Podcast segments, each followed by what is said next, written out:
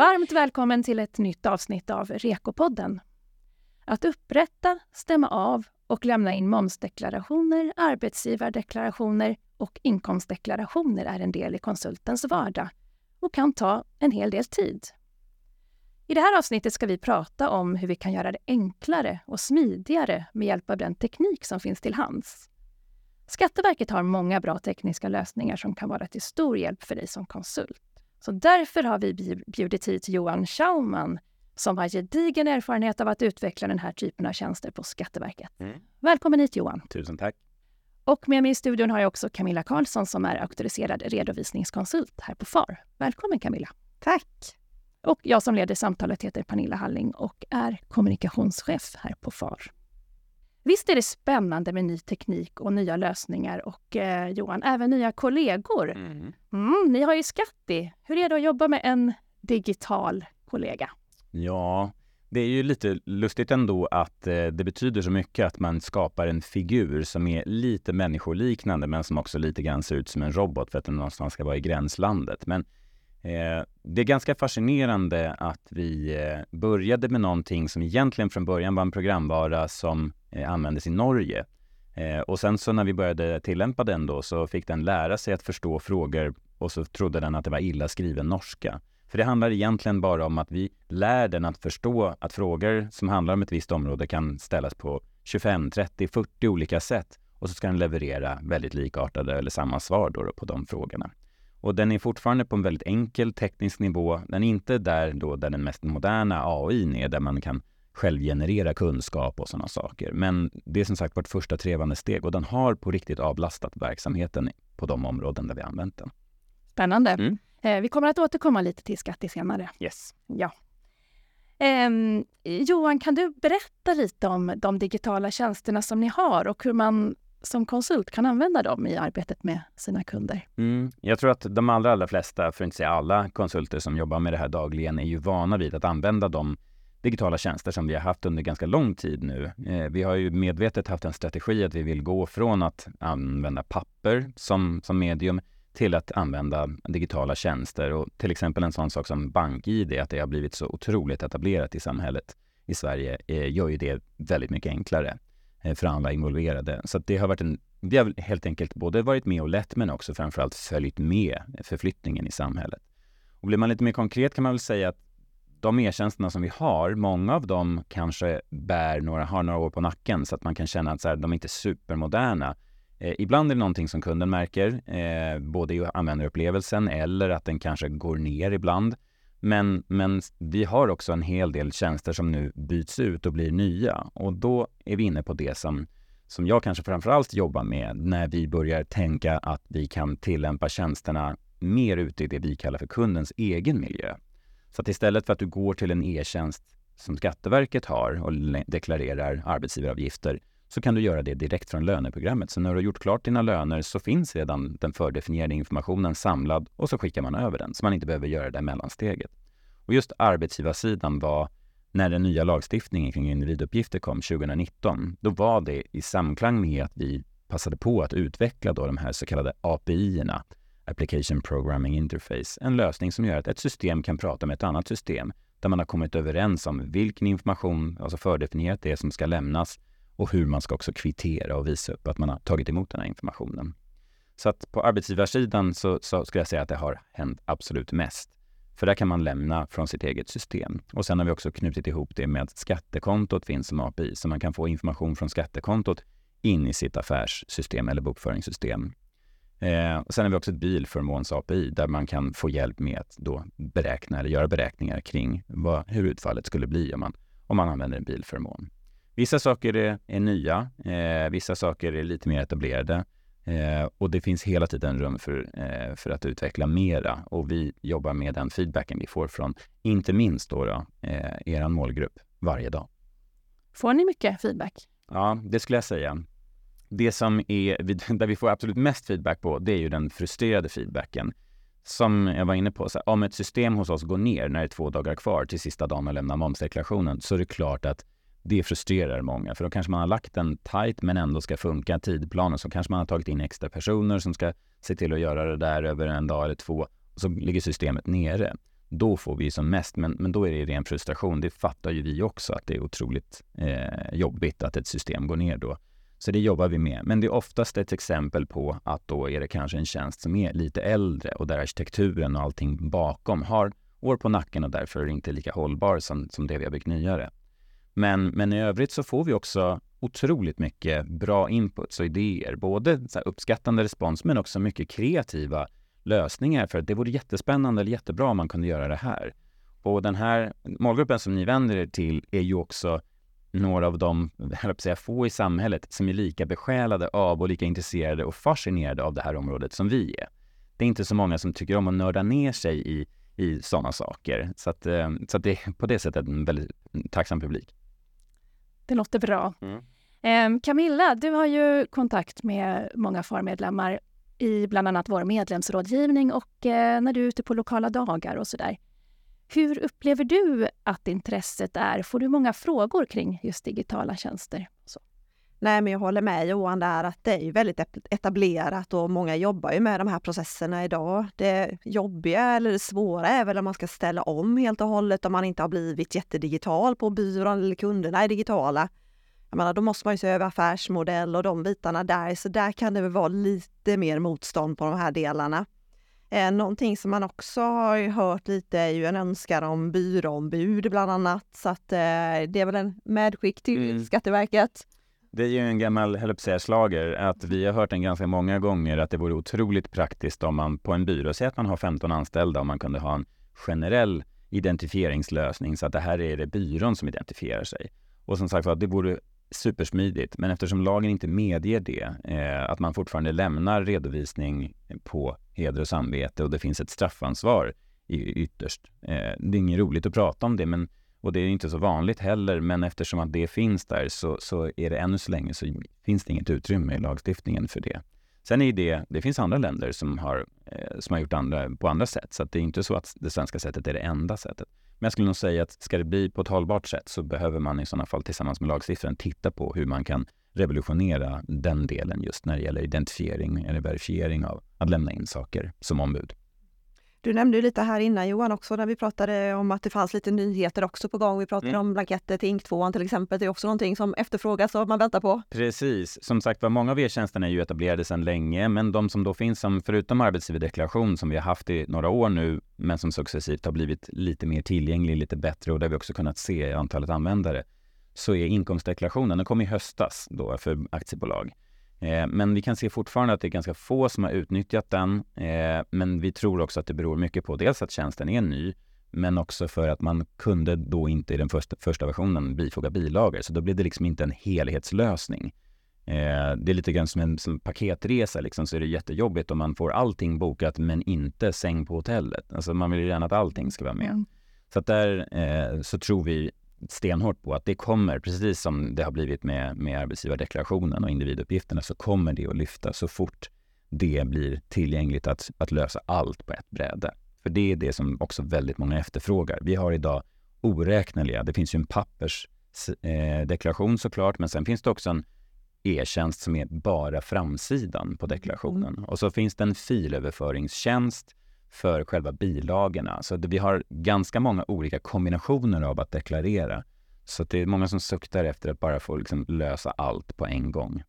Eh, sen ligger det såklart i det som ni var inne på att man kan också ha kunder som en som man kan tycka trivial eller banal sak som att man träffades en gång i månaden eller en gång i kvartalet eller en gång om året och sen så tar man en kaffe och lite kaka och så skriver man under någonting och lämnar in. En del gillar det för de tycker att den interaktionen är skön. Eh, även om man har betalat någon för att ta hand om ens ekonomi och redovisning så, så vill man ändå inte tappa den relationen.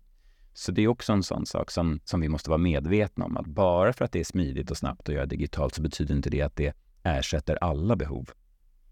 Nej. Camilla, finns det någonting i REKO som ger eh, mig som konsult vägledning när det gäller sådana här tjänster? Eh, ja, det gör det absolut. Eh, först vill jag bara trycka lite på det här, just förståelse av kundens verksamhet och eh, de e-, ekonomiska flöden och processer. Här handlar det faktiskt om att ha förståelse. Hur hamnar vissa uppgifter in i huvudboken och levereras till en momsrapport eller en deklaration helt enkelt. Så att där måste man ha koll på de bitarna. Sen har vi också stöd i REKO kring både moms, AGI och inkomstdeklaration och här trycker vi väldigt hårt just på vem det är som har ansvaret på, för deklarationen, precis som du var inne där, att konsulten kan ju aldrig ta på sig den rollen och här är ju uppdragsavtal väldigt viktigt och dokumentation brukar vi alltid prata om i REKO-podden är också grymt viktigt att ha den på plats också. Vad det är man har gjort och vad det är kunden har gjort på de olika momenten.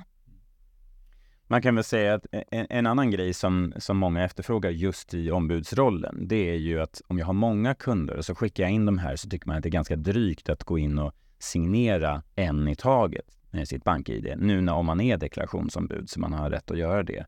Så det finns sen, sen ett tag tillbaka så finns det en tjänst som vänder sig till den publiken för då har vi det vi, det vi kallar för bundsignering. Att jag kör in alla deklarationer och så går jag in och signerar dem vid ett enda tillfälle Jag pratade om det här när jag träffade ett antal redovisningskonsulter förra veckan. och Då var det genast några som sa ah, men det går bara på det där och det där och det där systemet. På vissa andra system så går det inte för man måste kunna låsa en period. Och det där är ett typexempel på en bra återkoppling eller förståelse för oss att premisserna för, för företagen när de ska använda de här tjänsterna är ju inte bara sånt som hänger på oss, utan det måste också finnas i det här fallet då i ett bokförings eller affärssystem. Och det är också en angelägenhet för oss därför att bara utveckla sånt där vi kan se att det kommer att skapa tillräcklig affärsnytta så att det finns tillräckligt starka incitament för de här programvaruföretagen att utveckla och integrera till våra lösningar. Så där tror jag att om det är någon som är intresserad av bundsignering och tycker att det här vore ju jättesmidigt, tryck på hos er leverantör då och säg att vi är intresserade av det här. För vissa kanske inte ens känner till att tjänsten finns för att den inte just finns tillgänglig i den egna, i den egna programvaran. Mm. Nej. Vi nämnde ju inledningsvis Skatti. Mm. Eh, jag har testat Skatti som privatperson, mm. men finns det någon hjälp att få som företagare?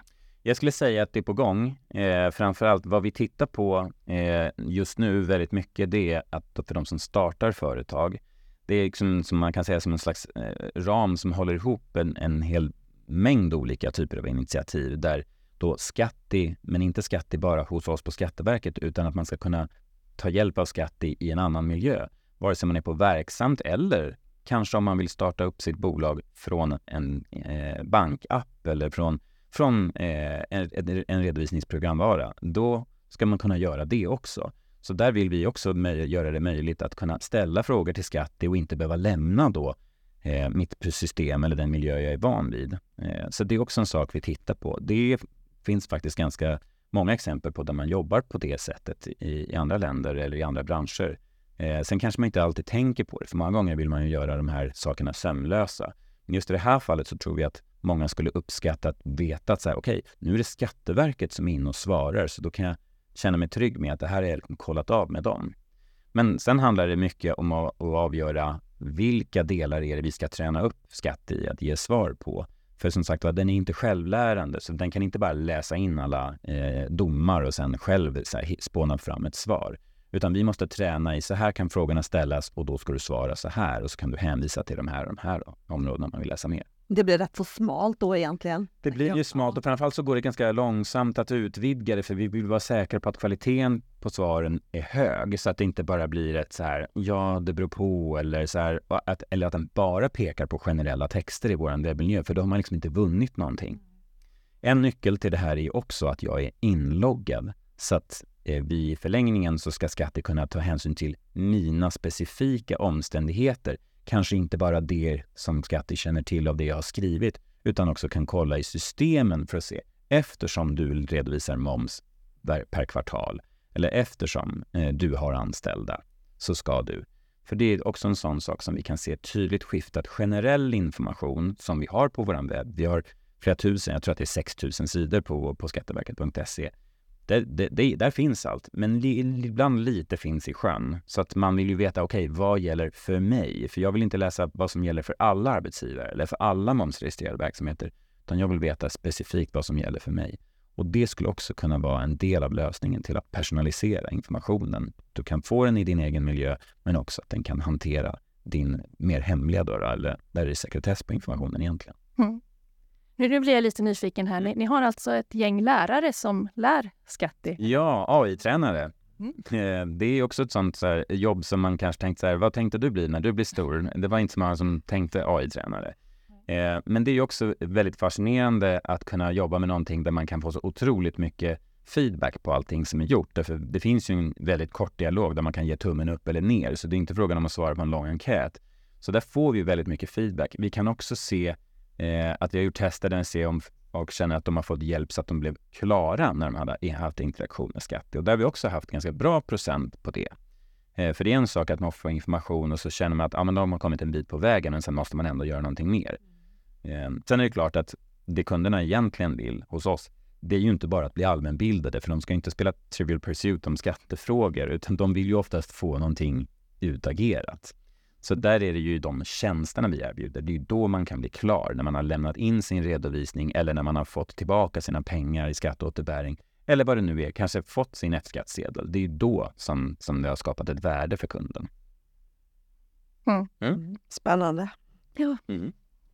Eh, någonting annat som jag också tycker är väldigt spännande, jag menar er webbportal är ju grym egentligen, eh, har den väl varit i många år och eh, den är väl kända för. Men vi har också noterat lite att ni är rätt aktiva kring det här med API, ni har partner-API, ni har ju riktade API, ni har profil och sånt här. Kan du berätta lite skillnaden? Och... Ja, eh, det är någonting som vi har pratat ganska mycket om för att eh, vad vi använder för ord. Ibland så finns det kanske inte så etablerat eh, beroende på att vi kanske var förhållandevis tidiga Eh, det finns ju ett ganska känt begrepp som heter Open Banking. Det finns ett direktiv som heter PSD2-direktivet som gjort att alla banker måste öppna upp möjligheten för andra eh, banker eller andra företag inom den sektorn att kunna bygga på tjänster. Om jag är kund hos banken X så ska jag kunna använda en betalningstjänst någon annan som ska kunna integrera med, till exempel, som ett enkelt exempel. Eh, och det där tänker vi oss också. Det, det rimmar ju med att vi vill flytta ut till kundens miljö. Då måste vi kunna jobba med såna här digitala bostadspermar eller med mäklarsajter när det kommer till bostäder. Då måste vi jobba med bokförings och redovisningsprodukter, programvaror. Och, och just i den delen så, så är det här med att bygga API blir ju att integrera mellan, koppla ihop systemen blir avgörande. Och de riktade API-erna, då handlar det oftast om att det finns en rätt för en myndighet att få ta del av någonting. Det kan också vara till exempel företagen som, som sammanställer kreditupplysningar. Eh, de har ju köpt betalar för att få information. Så där skulle man kunna ha ett riktat API så att de får för att det finns ett lagstöd men att de ändå köper för att de är privata aktörer. Men oftast så handlar det om att stora eh, organisationer som Försäkringskassan eller, eller, eh, eller Bolagsverket behöver information från oss eh, eller Lantmäteriet och då så löser man det via API så att de enklare kan få informationen. Men partner-API som du nämnde, det är ju när vi erbjuder utåt till i princip vem som helst att kunna koppla upp sig mot vårt API eller ansluta till vårt API och hämta eller lämna information beroende på vilken typ av API det är. Många gånger använder man också API som en lösning för att lämna ut öppna data. Och öppna data är ju ofta någonting som många använder som ett underlag för att ta fram rapporter eller undersöka hur, hur saker och ting förändrar sig. Så att det är både kommersiella och även då i offentlig hänseende som många vill planera och skaffa sig ett underlag så är det många som använder öppna data.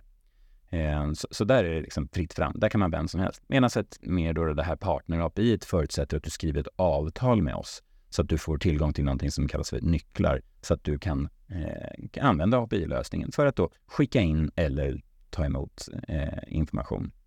Eh, skattekontot är ett jätte jätteanvänt API till exempel.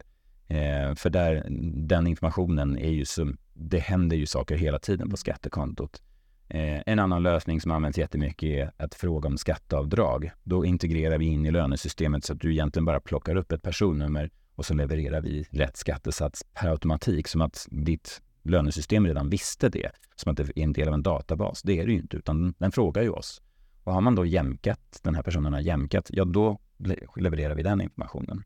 Så det känns liksom som att det är sömlöst, att jag gör allt det här i min egen system, men det är andra som, som bidrar. Och där kan vi se att både vi och bankerna och andra aktörer har sådana här lösningar. Så nu handlar det väldigt mycket om att det finns en hel del ingredienser som man bara nu behöver plocka ihop på rätt sätt så kommer det på sikt att kunna bli väldigt mycket mer automatiserat. Sånt som idag är ganska enkelt att göra men ändå tidsödande och kan vara då frustrerande för någon som hellre vill jobba med avancerad rådgivning än att sitta och göra handgrepp, att lyfta och skriva in belopp i ett, ett fält och, och logga in och använda sitt bank-id manuellt så, så kan vi automatisera ganska mycket. Jag tänker om det är någon där ute som sitter och lyssnar nu, kan man Mm. vara med och påverka det här som byrå eller som konsult? Kan jag liksom komma med förslag till er på Skatteverket eller hur, hur gör jag då? Ja, det hoppas jag verkligen att man tänker. För vi är som sagt vi är helt beroende av att vi har ju såklart en massa kreativa människor hos oss och som har jobbat med många av de här frågorna länge. Men man blir ju alltid lite blind. Eh, sen är så, vi är ju inte konsulter, vi är inte företagare. Och är det någonting som är en riktig akilleshäl hos oss så kanske det är att vi har för få personer som har den bakgrunden att man själv har varit företagare. Så vi är helt beroende av att vi får input då proaktivt från från företagare direkt eller från deras ombud.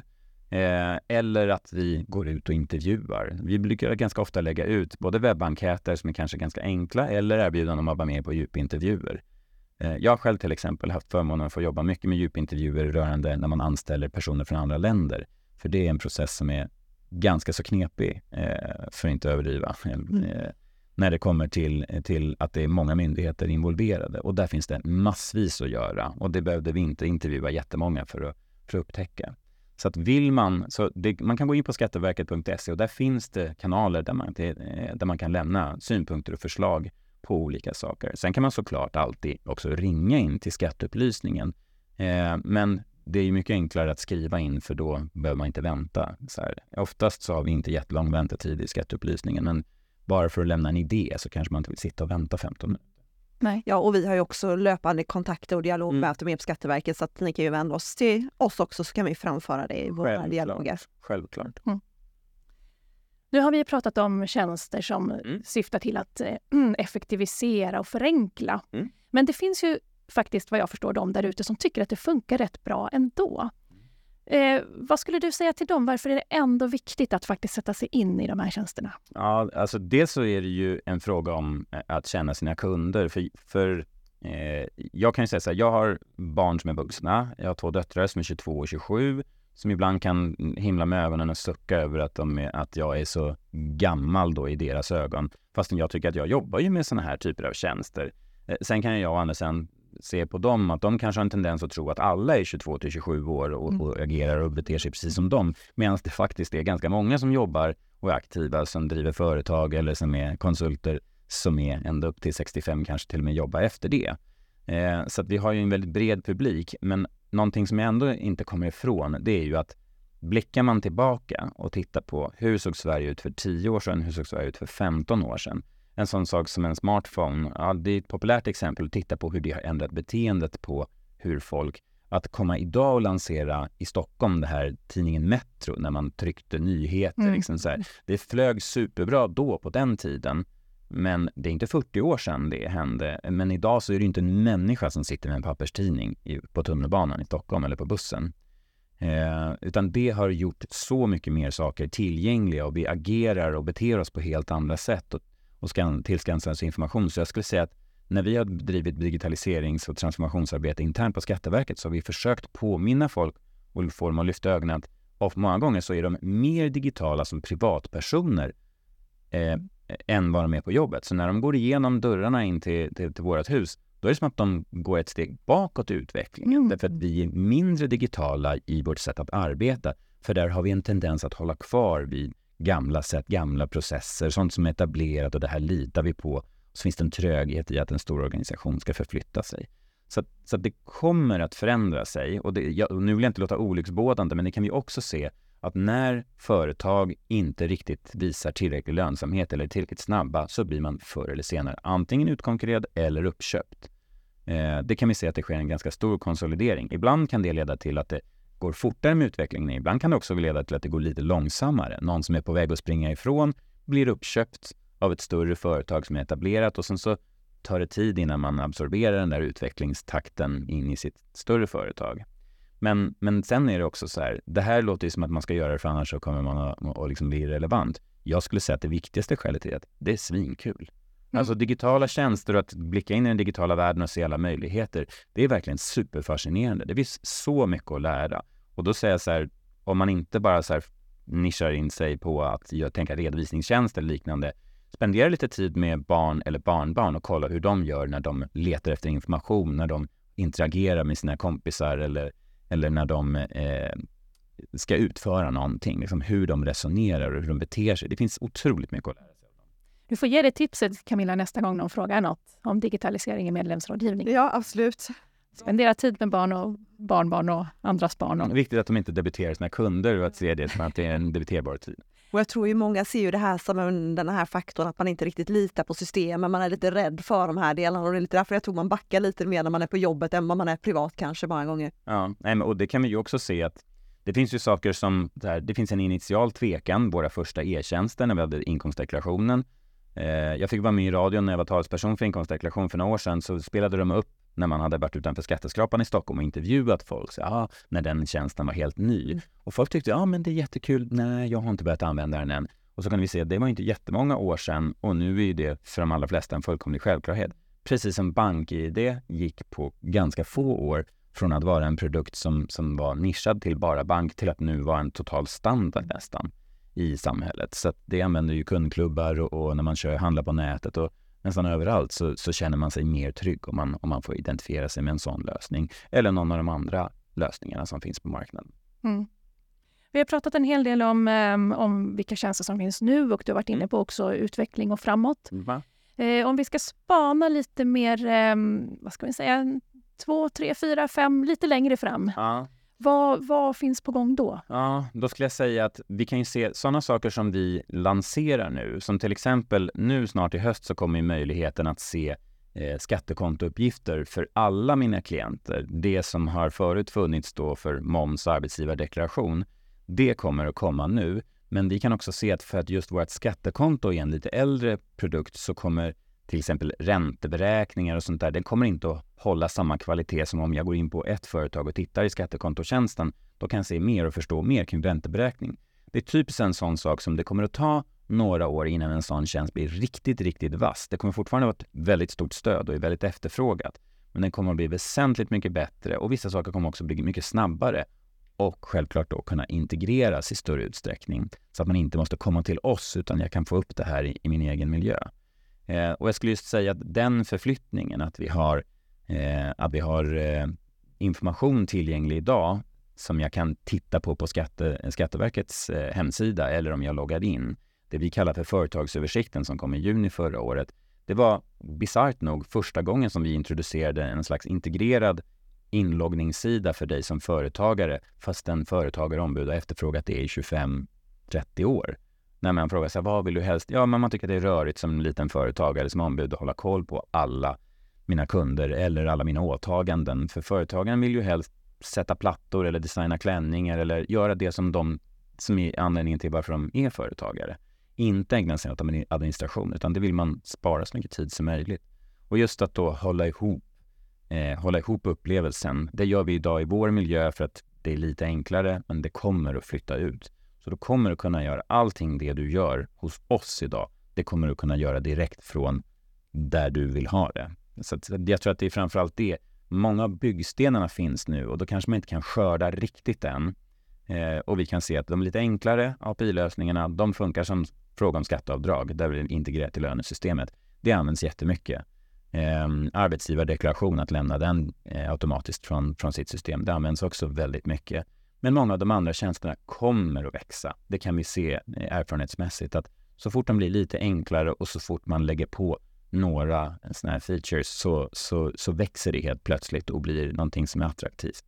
En sån enkel sak som preliminär, eller F-skatten tror jag ni kallar det för, när man betalar löpande skatten som, som företaget ska betala.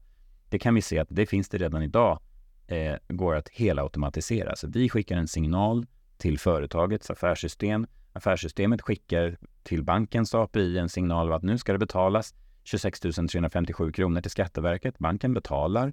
Vi skickar verifikat eh, på att vi har tagit emot betalningen och banken har samtidigt skickat verifikat på att de har gjort betalningen och det där bokförs automatiskt. Ingen människa inblandad. Allting görs i tid, inte för tidigt men heller inte för sent och det blir alltid rätt belopp. Och då betalas naturligtvis då till, till rätt till, till oss på Skatteverket.